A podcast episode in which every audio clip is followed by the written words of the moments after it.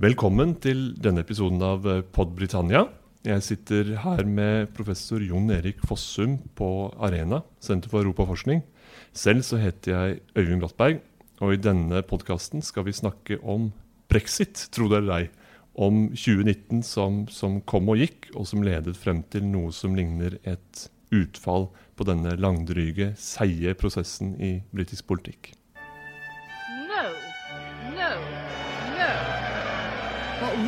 Asking is for a very large amount of our own money back. The choice is in your hands. We've had a meaningful vote. We had it in the referendum on 2016. Ja, Jon Erik, eh, hvis vi spoler ett år tilbake i tid, kunne, ville du sett for deg at det var her det endte? Med et parlamentsvalg og et heidundrende flertall for Boris Johnson og Det konservative partiet, og en tilsynelatende avklart kurs i retning EUs utgangsdør? Nei, eh, neppe det. Men eh, det var veldig uklart òg i begynnelsen av 2019 hva som skulle være utfallet. Det er kanskje det som har preget brexit-prosessen òg. Denne åpenheten at veldig mange mulige utfall kunne skje. Fordi at man eh, hadde problemer med å komme fram til noe som helst. En ordning som man kunne bli samforent om. I den uavklarte situasjonen så har jo veldig mye handlet om eh, parlamentets rolle, eller, eller Underhusets rolle, i å bestemme som, hvordan skilsmisseavtalen skulle se ut, og, og hvordan visjonen for et Storbritannia etter brexit skulle, skulle ta form.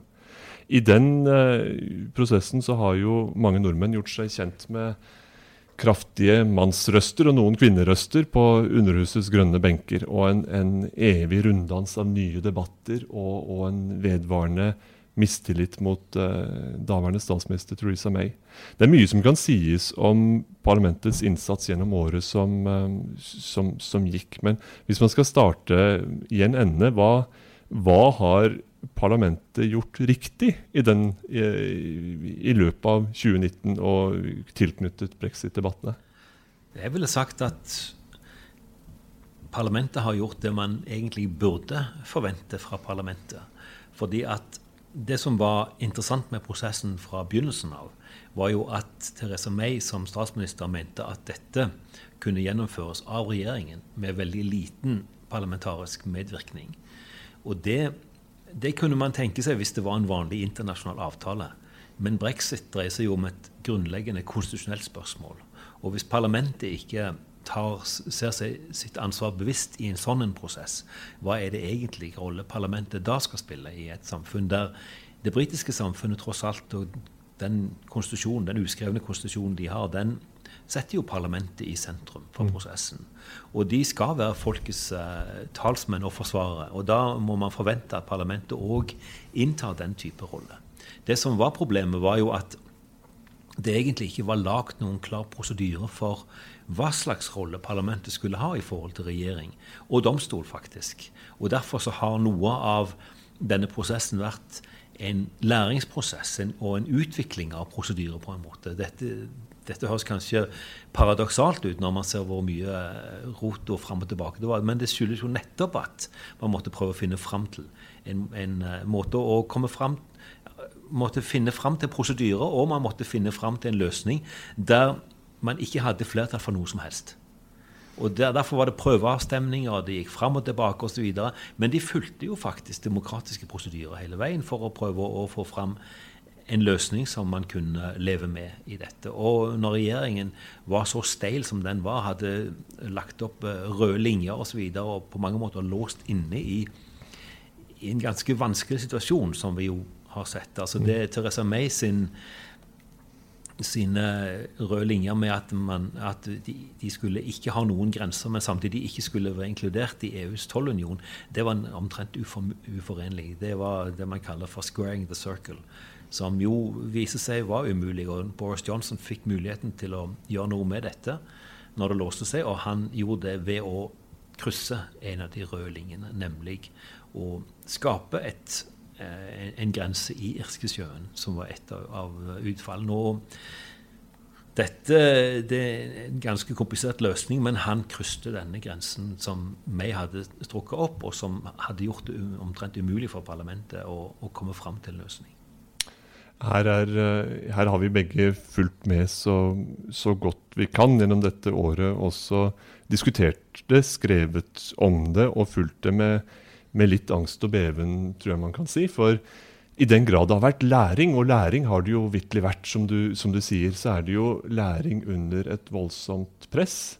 For den folkelige mistillit mot den politiske eliten har jo i ganske overveldende grad blitt rettet mot parlamentet selv. Og disse kranglevorne parlamentarikerne som, som, ikke klarer å bli enige, ikke klarer å komme videre eh, osv.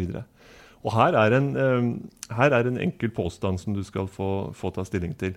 Gitt at parlamentet skulle være med å bestemme formen på, på, på brexit og skape en hva skal man si, en, en, vei ut av EU som både var logisk sammenhengende, og som, som et folkeflertall kunne akseptere.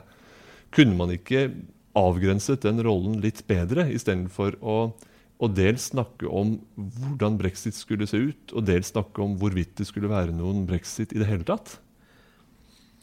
Ja, men da forventer man egentlig at man får til en samtale mellom partiene som sitter i parlamentet. For noe av, noe av, problemet her har jo vel mindre faktisk å gjøre med parlamentet enn det har med partiene å gjøre. Og den tradisjonen britene har med et partistyre. Um, sånn at det var jo en del kritikere som har sagt at i lang tid så følte man at brexit-prosessen ble mer styrt av partidemokrati. Altså at det, det, var viktigere for det konservative partiet å få sin enighet internt i sitt parti enn egentlig å få eh, parlamentet med på laget. Så her er det uh, en annen dynamikk i parlamentet òg. Hvis vi tar og ser på det norske, så har vi et konsensusbasert politisk system hvor man nettopp prøver å komme fram til omforent enighet om sentrale spørsmål. Um, hvis ikke det lar seg gjøre, så finner man måter å omgå dette på, som, så, slik at man kan samarbeide videre. I det britiske eh, parlamentariske systemet så har det vært mer det at når man eh, vinner et, eller man har et valg, og får, så får man et styringsmandat fordi at valgsystemet er basert på å gi regjeringen et styringsmandat. Slik at den prioriterer de største partiene, og slik at selv om de ikke har flertall i befolkningen, så får de et flertall i parlamentet som gir dem mandat og mulighet til å styre. Nå var det jo slik at Teresa May, som da hadde lyst ut eh, nyvalg under tanken om at hun skulle øke sitt eh, flertall, nettopp ikke fikk det og måtte inngå i en veldig vanskelig koalisjon. Derfor så ble den prosessen mye vanskeligere. Og det å da få en, en, en, enighet internt i denne koalisjonen med de nordirske eh, protestantene, sam, samtidig som man hadde eh, en ganske radikal fløy innad i det konservative parti som ville ha en hard brexit, altså en ganske uforsonlig linje. Det var veldig vanskelig for Teresa May. Og, så man forstår at hun hadde store problemer med dette og var på mange måter låst.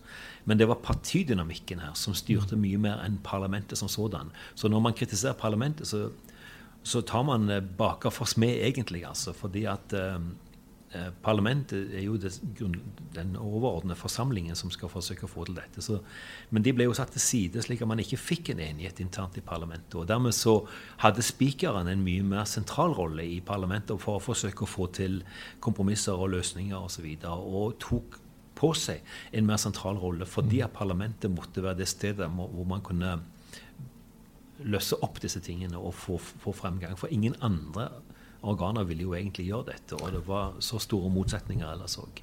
Så jeg mener parlamentet egentlig var seg sitt ansvar bevisst, men de hadde en del tradisjoner og en del ordninger på plass som gjorde det veldig vanskelig. I grunnen er det jo et forferdelig utgangspunkt. Et uh, politisk system som er designet for en winner takes all-situasjon, hvor regjeringspartiet har flertall, kan Eh, gjennomføre sitt program uten tvil og uten unødig kompromissinnsats. og så kan man ved neste valg eh, vurderes på ny av velgerne. Et system som er skreddersydd for flertallsstyret ved ett parti. Og så oppnår man ikke det. Man havner i, en, en, i stedet i en mindretallssituasjon, slik Theresa May gjorde etter dette fatale valget, kan man vel si, i, eh, i, 2017. Og det skjer da på verst tenkelig tidspunkt, fordi dette tidspunktet åpenbart trengte et stabilt flertall hvis man skulle klare å, å få gjennom en, en brexit-avtale på eh, anstendig vis i, i, parlamentet. Men det illustrerer jo noe av eh, eh, noe av den krisen som, som, man snakker om i det britiske demokratiet, dreier seg jo nettopp om, at valgordningen ikke klarer å forme et mangfold av meninger på velgernivå til et, en fornuftig eh, styringsform gjennom, gjennom, parlament og regjering. Og det er vel noe Hvis man ønsket seg en, eh, en stresstest Det er jo ikke gitt at man ønsker seg det, men man kan iallfall si at brexit har vært en, eh, en stresstest for hele politiske systemet i Storbritannia. Ja, absolutt. Og ser vi på spenningene her, så må vi heller ikke glemme de regionale spenningene. Altså at de har ulike nasjoner sine, med sine visjoner om, om, brexit. Og de varierer jo ganske mye, faktisk. Vi ser jo nå, i det siste nå, at uh, Skottland er jo i bevegelse. Og vil jo komme til å uh, kreve en ny folkeavstemning. For de godtar ikke dette type utfall av brexit. De vil jo ikke ha en, uh, en løsere tilknytning, de vil heller ha en tettere tilknytning til EU. Så de har ulike visjoner om Storbritannias rolle Eh, i de forskjellige delene av Storbritannia, som jo absolutt kompliserer dette her.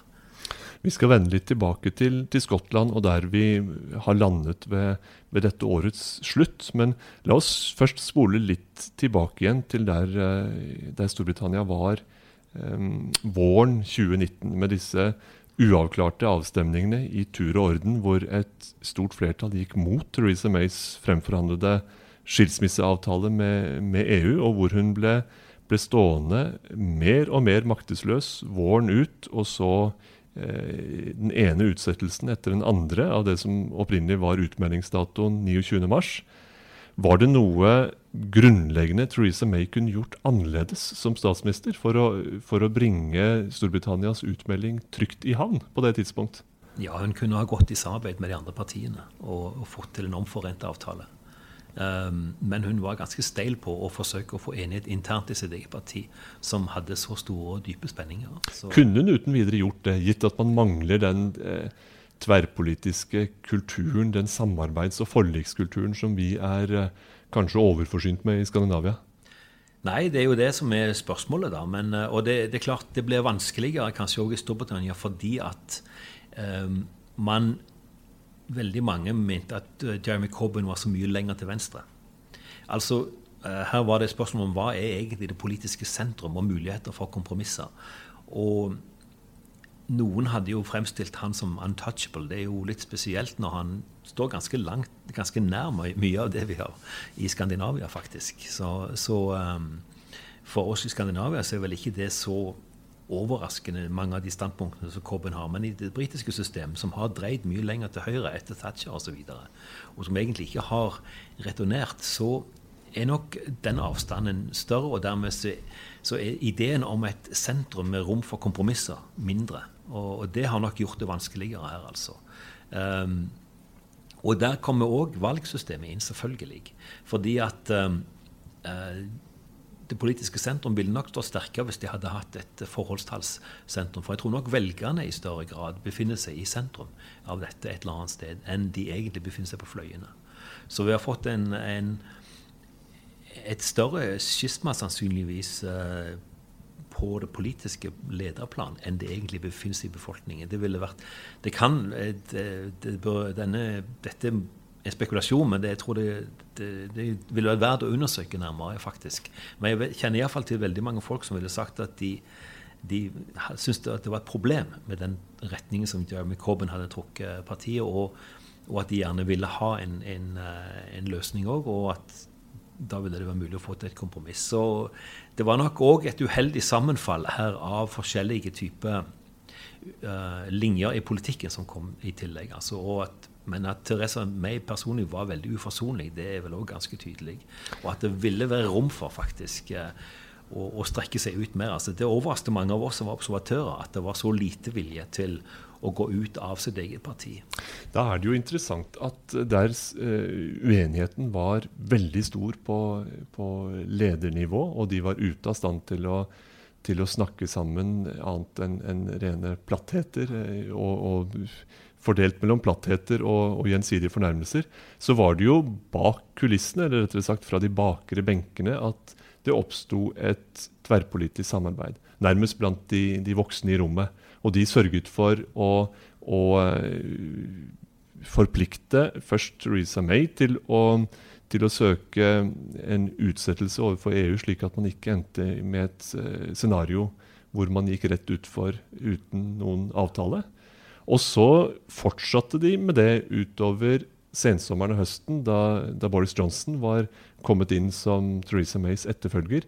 Så presset de på det som da var en tverrpolitisk koalisjon som ikke ønsket uansvarlighet. De ønsket å, å, å holde skuta flytende. Hva som var visjonen bortenfor det, var litt uklart, men de, de lyktes en periode med å holde skuta flytende. Ja, og her tror jeg det er viktig å gå tilbake og se på hva som var brexit-tilhengerne sine standpunkter før folkeavstemningen. Nemlig at de ville ha en avtale med, med, med EU. De snakket om den sveitsiske modellen spesielt, og de snakket òg om den norske modellen. Når så brexit skjedde, så kom jo denne uh, European Research Group, som var innad i det konservative parti, de radikaliserte prosessen og sa at nei, vi skal ha et klart brudd. Men Storbritannia er veldig EU-integrert. 12 000 EU-rettsakter er inkorporert i det britiske rettssystemet. Dette er en veldig sterk programmering etter 45 år. Slik at um, det, det, er vanskelig å se at uh, man kan ha et sånt type direkte brudd. Og veldig mange briter var veldig bekymra for usikkerheten som det ville føre til. Um, fordi at man har så mange typer avtaler. Hvis alt dette plutselig oppheves, så står man jo uten noen klare retningslinjer hvor man skal gå hen. Mm. Og det virket ikke som det var veldig mye vilje til å, å, å, se nærmere på hva disse typer effekter ville bli på mange steder. Og derfor, som var de, det du kaller for voksne, de var jo opptatt av å få mer kontinuitet Og ha en eller annen form for stabilitet. For det, hadde, det presset var jo òg fra næringslivet og fra veldig mange andre aktører i samfunnet at de ville ha en sikkerhet eh, framover og sånt. Fordi at det, planleggingshorisonter osv. Det, det spiller jo inn. Og uh, mye av det britiske samfunnet var girt inn på å ha uh, direkte adgang. EU var tross alt det største markedet og største handelspartner og, og samarbeidspartner som, som Storbritannia hadde. og hvis man river det fra hverandre med, uten tanke på å utvikle noen ordninger framover, så blir det veldig stor usikkerhet. Nå gjaldt jo avtalen man skulle stemme over, og som man igjen har stemt over, og til syvende og sist stemt gjennom eh, i litt annen form nå i desember, gjelder jo skilsmissen, eh, utmeldingen. Og det som var det, den avgjørende barrieren for Theresa May, ble jo spørsmålet om irskegrensa. Om grensen mellom Nord-Irland og Irland og hvordan EUs yttergrense, som her vil trekkes, både skulle være tilstrekkelig åpen til å sikre fred, og samtidig tilstrekkelig lukket til at man kunne ha et Storbritannia i fullt utenforskap utafor, inkludert Nord-Irland, og et Irland i fullt innenforskap på andre siden av grensen. Den, eh, den kabalen var tilnærmet umulig å å, å løse. Iallfall var den umulig for Theresa May, fordi hun ikke kunne bestemme seg for om Storbritannia skulle være nær EU i et, eh, i et, et tett og dynamisk samarbeid for fremtiden, eller mer frakoblet EU. Og Det er jo interessant ved de avstemningene som ble holdt, at motstanden mot henne handlet jo på den ene siden om de som ønsket et, et hardt og, og, kontant brudd med EU, og derfor en, en, lukket grense, noe som jo ikke ville være mulig gitt fredsprosessen og hva den krever. Og Det var den ene siden. Og den andre siden var jo de som sa at skal man først ha en, en åpen grense, så må vi jo unngå en slags sånn leilendingskontrakt. Da må vi først som sist søke i retning et tettere samarbeid med EU. Og imellom de to fløyene så sto Theresa May i en riktig ubehagelig spagat. Ja, og det var dette med disse røde linjene hennes, altså. At hun malte seg inn i et hjørne der. Og, og det gjorde det ikke lettere heller at hun i utgangspunktet sa at uh, no deal is better than a bad deal. Men det er, jo, det er jo det som er spesielt med Storbritannias dype innveving i EU. Og det, de, de, tette båndene og sånt, som gjør at hva, hva, der, der, ligger såpass mange føringer allerede at uh, det å tro at man kan komme ut av dette i seg selv, er, er veldig vanskelig. Og da er det spørsmål Finner man noen mulighet og, og en ordning som kan kompensere for den medbestemmelsen som Storbritannia har hatt i, i det europeiske system. Selv om de har, har, mange ganger hatt alenegang, så har de tross alt vært til stede der beslutningene tas. Mm. Og å gi opp det og samtidig inkorporere reglene, det er jo uh, det vi har jo erfart mye av det i Norge. da, uh, Og det har sine begrensninger. Og jeg tror de begrensningene psykologisk sett er vanskeligere for et større land som har større vekt. Og da er jo spørsmålet hele veien på kalkylen vil, vil man kunne oppnå så mye mer selvstendighet? Uh, vil man kunne virkelig bestemme over sine egne forutsetninger hvis man går ut av alle disse ordningene i et system som er så sammenvevd som det europeiske er i dag? Det er jo et av de store spørsmålene, faktisk. Det er jo det som på mange måter er, er lakmustesten òg nå med, med, brexit. altså. Det vil jo si noe om i hvilken grad stater fortsatt veves inn i det EU, uh, den europeiske orden som EU er en faktisk en sentral uh, element i. Dette er noe vi skal få svar på i, i 2020 etter sigende. For hva um, året endte med, var jo at en statsminister med bulldoserstrategi til erstatning for Theresa Mays tvil og, og, og, og vanskeligheter og stillstand, så valgte Boris Johnson å valse over det som måtte være av meningsmotstand. Og til syvende og sist så fikk han velgerne med på det resonnementet. Det konservative partiet vant en overbevisende valgseier 12.12.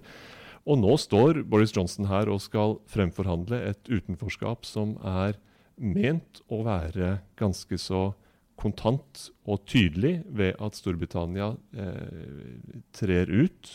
Eh, problemet med irskegrensa løses ved at man delvis trekker den grensa i Irskesjøen mellom Nord-Irland og Storbritannia. Og Storbritannia mener alvor med at man skal virkelig ut av EU. Formelt 31.1 og i praksis med årets slutt. Hvordan skal dette gå?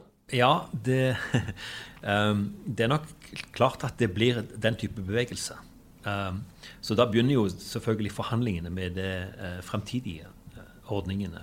I, og det er klart det er jo fortsatt mulig at i løpet av, altså i slutten av neste år så krasjer Storbritannia ut allikevel uten å ha fått en avtale.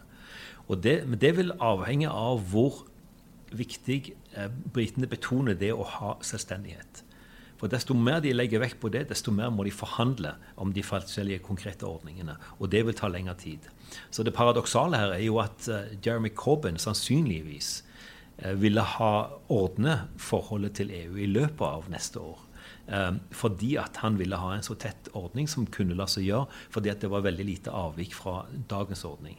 Mens Boris Johnson har lovt mer, uh, et mer klart brudd, og dermed så blir det større grad av forhandlinger, for de må skreddersy ordninger på veldig mange ordning, områder. En annen ting er at dynamikken i forhandlingene vil endre seg. Spesielt hvis de får en omfattende avtale med EU. fordi at da går man inn i det som kalles mixed agreement. Og det betyr at alle de nasjonale og regionale parlamentene i EU skal ratifisere. Og Derfor blir dette en mye mer komplisert forhandlingsprosess. Og Da kan man tenke seg at eh, forholdet mellom EU og Storbritannia vil endre seg noe på en del felter. I alle fall. Fordi at det som nå, vi så nå, var at Storbritannia sin eh, Pga. den måten som skilsmisseavtalen var designet med, og at EU hadde lagd klare regler, gjorde at det var ganske asymmetrisk. Eh, så Storbritannia i veldig høy grad føyde seg etter det som EU la opp til, de reglene og prosedyrene som EU hadde lagt. I neste runde så kan dette bli mer åpent. Og da kan det være mer rom for forskjellige typer konstellasjoner mellom Storbritannia og EU-land òg. Fordi at EU vil ha mye større problemer med å ha en samlefront i, i neste fase av, av, forhandlingene. Innfløkt kommer det til å bli internt i Storbritannia også. Nå ikke så mye mellom partiene, fordi de konservative har et uh, styringsdyktig flertall. Men mellom Skottland og rest-Storbritannia, eller hva man skal kalle det, resten av Storbritannia, i alle fall mellom den skotske regjeringen og Boris Johnsons regjering i, i London. Har skottene et demokratisk mandat for å holde en ny folkeavstemning om, om selvstendighet, gitt at et klart flertall av, skottene, av skotske velgere virkelig ikke ønsker å være med på reisen ut av EU? Hvis man ser på oppslutningen til SNP, så skulle man nesten tro det. For de fikk jo 45 av 54, 56 seter var det vel i, i, nei, i parlamentet. Så ut ifra det resultatet så kunne man nesten si at de har et betydelig eh, mandat for å få i gang en, en ny prosess, faktisk. Um, uh, så um, det, det, er jo interessant å se da hva det britiske regjering vil gjøre. Og her er det jo også, på europeisk side så er det jo òg interessant, fordi at uh, her kommer jo Spania inn med, med Catalonia. Og uh, det vil jo ikke være så stor velvilje i Spania for en sånn type prosess. Samtidig så er det jo det er jo en annen dynamikk. Altså. Så, det spørs jo hva som skjer internt i EU òg i dette. Men, men, her er jo ting vevet sammen, slik at ting kan, kan påvirke hverandre rett og slett på, fra forskjellige steder. Så det er òg en usikkerhetsfaktor. Kanskje man òg skulle sagt noe om Nord-Irland i tillegg. Fordi at det er ganske stor misnøye blant eh, protestantene nå i Nord-Irland. Eh, DUP mente jo at de ble forrådt av Boris Johnson, og der er det en god del bitterhet. Eh, så dynamikken i Nord-Irland òg kommer til å være ganske viktig framover i, i, dette. Så vi, vi, kan tenke oss at Westminster kommer, eller i, regjeringen i, i London kommer i skvis fra flere steder. Og kanskje òg eh, næringslivet vil kanskje komme med på banen. For det er jo egentlig interessant hvor lite vi har hørt fra næringslivet egentlig i disse prosessene. Det har vært veldig politisk drevet prosesser. Så vi får se det. Vi får kanskje et større spekter òg av aktører som eh, på, kommer på banen neste år. Det blir et spennende år, det er helt sikkert. Visst gjør det vondt når knopper brister, sier dikteren. Og visst gjør det vondt også for et Storbritannia som på meningsfylt vis skal bryte ut av, av, EU. Hvordan dette går, skal vi bruke 2020 på å følge med på.